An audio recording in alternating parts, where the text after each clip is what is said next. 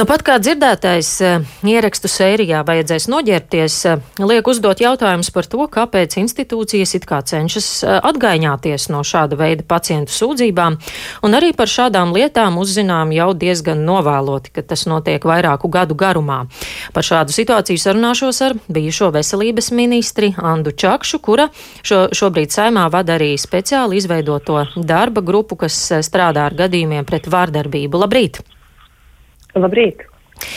Izgaismojies ir viens šāds gadījums ar konkrēto ārstu, bet nu, jautājums ir, vai tiešām šāds eh, ārsts varētu būt vienīgais, kas ir pārkāpis eh, kādu robežu. Kāpēc ir tā, ka cilvēki tomēr uzreiz neiet un eh, nestāsta par šādiem gadījumiem? Ko mums maksā šāda klusēšana?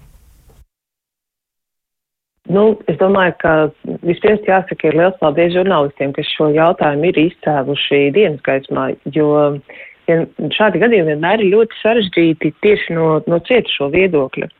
Uh, tas spēks, kas ir vajadzīgs, lai aizietu un pastāstītu, ir, ir ļoti liels. Uh, tas ir nu, šajā gadījumā, kad ir iesaistīts seksuāls darbības, kas būtībā līdzinās arī izvarošanai, prasa ļoti lielu spēku uh, no, no cietušā aiziet par to runāt. Un pretī ir jābūt ļoti lielai iecietībai un sapratnei, jo ja mēs redzam, ka šis eh, nu, iesniegums skaits ne tikai par šo konkrēto gadījumu, bet būtībā kopumā Latvijā ir mazs, tas liecina par to, ka cilvēki neusticas eh, institūcijām, kam šie jautājumi ir jārisina. Un to mēs ļoti skaidri redzējām arī darba grupā, ka uh, Nu, ja policijai liekas, ka masu ziņojumu skaits ir labi, tad, uh, diemžēl, ir jāapbēdina. Masu ziņojumu skaits liecina par to, ka nav uzticēšanās policijai, ka tas tiks risināts. Diemžēl šajā gadījumā man jāsaka, te ir stāsts ne tikai par policiju, bet arī par profesionālajām organizācijām, nu, kur šādus jautājumus nemāk nu, tā profesionāli risināt, jo ir tāda sajūta, ka tu kādam nodarīsi pāri. Diemžēl pāri nevis tam, kurš patiešām ir cietis, bet uh, tāds mēģinājums aizstāvēt to, kurš ir iespējams vainīgais. Vai arī ārsti nemēģina viens otru piesekt, kā tas ir piemēram šo, šoreiz ārstu biedrības reakcijā manāms? Es domāju, ka nu, te diezgan psiholoģiski ieslēdzās tas mehānisms, tāda aizsardzība. Ir ļoti grūti noticēt, ka kāds to ko, kaut ko tādu ir darījis. Tas gadījums, kopumā ir ļoti derdzīgs. Es domāju, ka daudziem ir ļoti grūti to klausīties. Un tad ir tāda vēlme izvairīties no tās situācijas, no situācijas risināšanas kopumā. Bet te ir ļoti profesionāli jāpieiet šādiem jautājumiem, un tāda ir jārisina. Es eh, negribētu domāt, ka notiek piesekšana, bet uh, tīri psiholoģiski ļoti grūti šādus jautājumus risināt. Kas būtu jāmaina atbildīgo iestāžu darbā, lai šādas lietas uh, produktīvāk tiktu risinātas? Es domāju, ka nu, viena no, no tādām iespējām būtu, ja policijā būtu speciāli apmācīti cilvēki strādāt ar šādiem gadījumiem un uh, cilvēki nu, veidoto šī pieredze, ka Uh, ja par to ziņo, tas tiek rūpīgi izmeklēts un ir rezultāts. Ja cilvēki nesaskartos ar tādu vainošanu, lielā gadījumā skaitu ir tā, ka sieviete pati jūtas vainīga par to, ka viņai ir kāds seksuāli uzmācies vai ka viņai ir nodarīts pāri, vai pat, uh, ja vīrs viņu ir piekāvis, izrādās, ka viņa ir vainīga pie tā. Un tā policijas attieksme bieži vien ir tāda. Jautājums ir, kā varētu veikt šādu konkrētu apmācību. Tāpat tās ārstniecības iestādes drīkst ziņot. Man jāsaka, nu, teiksim, šajā gadījumā Sadiņas slimnīca ir rīkojusies nu, ļoti profesionāli. Viņi ir atlaiduši šo ārstu, bet nav izdarījis nākamo soli, palīdzējis arī uh, risināt jautājumu ar šo ārstu. Teiksim, tas, ko mēs redzam veselības inspekcijas atbildi, viņas visas ir formālas, bet tas cilvēks paliek, un tur nav viens cilvēks. Mēs pat nezinām, cik kopumā sievietes ir cietušas no šī konkrētā ārsta. Tā, Vai domāju, veselības... Ir vajadzīga speciāla apmācība gan, gan uh, profesionāla ārstiem, visas vardarbības veidu atpazīšanā, gan visas tajās institūcijās uh, mēs redzam vienkārši, ka nepietiek zināšanu. Vai veselības inspekcijas eh, darbā nav jāpamaina kādi uzdevumi?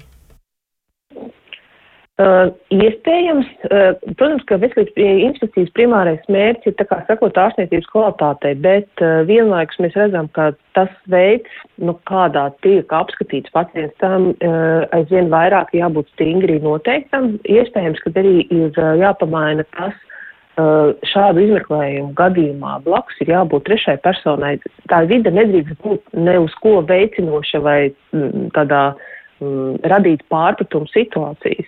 Jo mums ir uh, divi dzimumi, un uh, pretējais dzimums var apskatīt otru dzimumu. Tas ārsta praksē tā var būt, bet tiem apstākļiem jābūt ļoti skaidriem. Pacientiem jābūt iespēja iepazīties ar to, kā notiek procedūra, kāpēc dara vienu vai otru lietu. Un uh, ārsts profesija vienmēr ar to ir mazliet specifiska, ka zināšanas ir asimetriskas. Pacients zina mazāk par, par, uh, par ārstu, kurš veic šo izmeklējumu.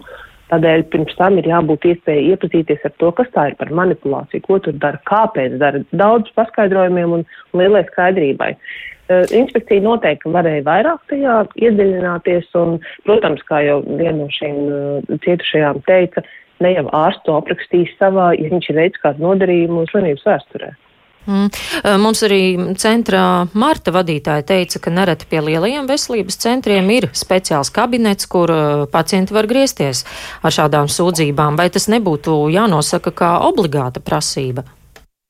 Es domāju, ka tā būtu viena no tādām ļoti labām iespējām, ka visās ārstniecības iestādēs ir šāda vieta, kur var griezties, kur var par to pasūtēties, kur var veikt arī attiecīgos izmeklējumus, lai, lai pārbaudītu, jo pierādījumi ir eh, nepieciešami tālāk uh, izmeklēšanas gaitā, bet tas ir kā tāda, nu, vienas pieturas aģentūra, ka nav cietušajiem pēc tam, nu, pieciem, septiņiem cilvēkiem pēc kārtas jāstāsta viens un tas pats, pie kam, nu, tie cilvēki mēdz būt ļoti dažādi.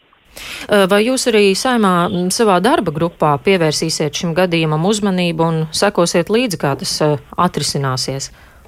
Absolūti noteikti. Mēs runājam arī ar Sociālo un darba komisijas vadītāju, ka mēs iespējams arī Sociālo un darba komisijā šo jautājumu varētu izskatīt, jo tas lielā mērā ir saistīts ar ārstniecību tādā kopumā vai tur nav jāmaina vēl kādi nosacījumi, lai šādas lietas tomēr neatkārtotos un pacients justos droši, jo šis ir arī par pacientu drošību, par pacientu pieredzi un arī par ārstu prestižu kopumā. Vai šobrīd arī tā varētu secināt, ka ārsti ir tādā kā vairāk eh, privileģētākā stāvoklī un pacienti ar šādām sūdzībām ir vairāk kā traucēklis? Es domāju, ka tas nav, tad, tad jāsaka, tas nav tikai par ārstiem. Uh, jebkurā situācijā, kur ir šī asimetriskā informācija, uh, pakalpojums sniedzējs vai ir, ir kā labākā situācijā, es domāju, ka jābūt vienkārši labi organizētai tai videi, kur cietušais var izstāstīt savu pieredzi, uh, tikt skaidrībā ar to, kas ir noticis, un tad, attiecīgi, ja tiešām ir nodarījums, uh, arī saņemt sodu vai risināt, kā šos jautājumus nu, mainīt. Jā, nu raudzīsim, kā šī lieta attīstīsies un risināsies. Šorīt saku paldies par sarunu Andai Čakšai, saimas deputātei.